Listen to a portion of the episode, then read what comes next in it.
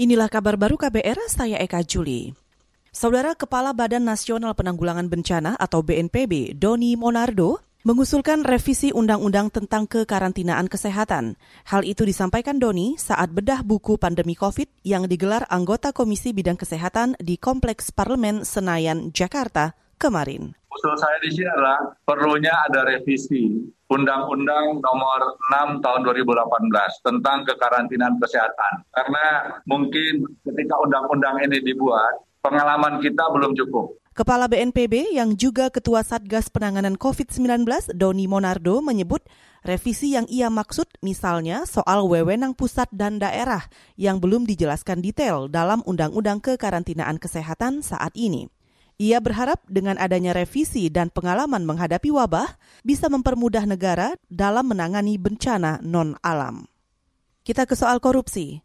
Komisi Pemberantasan Korupsi atau KPK akan mempelajari putusan Pengadilan Tinggi Jakarta yang tidak menjerat Tubagus Hairi Wardana alias Wawan dengan pasal tindak pidana pencucian uang.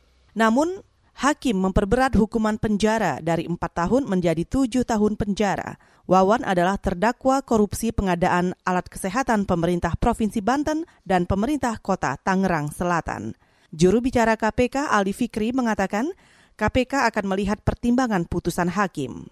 Adapun terkait dengan pertimbangan amar putusan, tentu kami mengapresiasi uh, dan berharap majelis hakim lain juga akan ikut uh, Uh, uh, mempedomani uh, peraturan Mahkamah Agung tentang pedoman pemidanaan perkara tindak pidana korupsi di dalam majelis hakim memutus uh, perkara perkara tindak pidana korupsi yang lain. Juru bicara KPK Ali Fikri menambahkan KPK belum mengambil keputusan apakah menerima putusan hakim atau menempuh upaya hukum kasasi. Kemarin Pengadilan Tinggi Jakarta memperberat hukuman penjara Tubagus Hairi Wardana alias Wawan. Namun, ia tidak dijerat dengan pasal TPPU atau tindak pidana pencucian uang.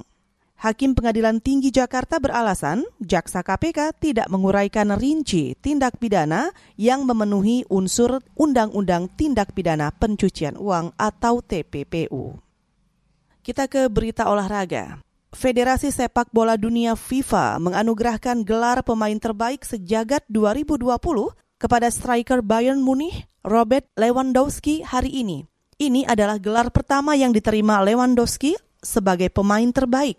Gelar ini biasanya diraih Cristiano Ronaldo dan Lionel Messi secara bergantian selama beberapa tahun terakhir. Sedangkan gelar pelatih terbaik diraih Jurgen Klopp selama dua tahun berturut-turut. Untuk pemain putri terbaik FIFA tahun ini dianugerahkan kepada penyerang Manchester City, Lucy Bronze, dan pelatih putri terbaik 2020 diterima pelatih kepala tim nasional putri Belanda, Sarina Wickman. Saudara, demikian kabar baru. Saya Eka Juli.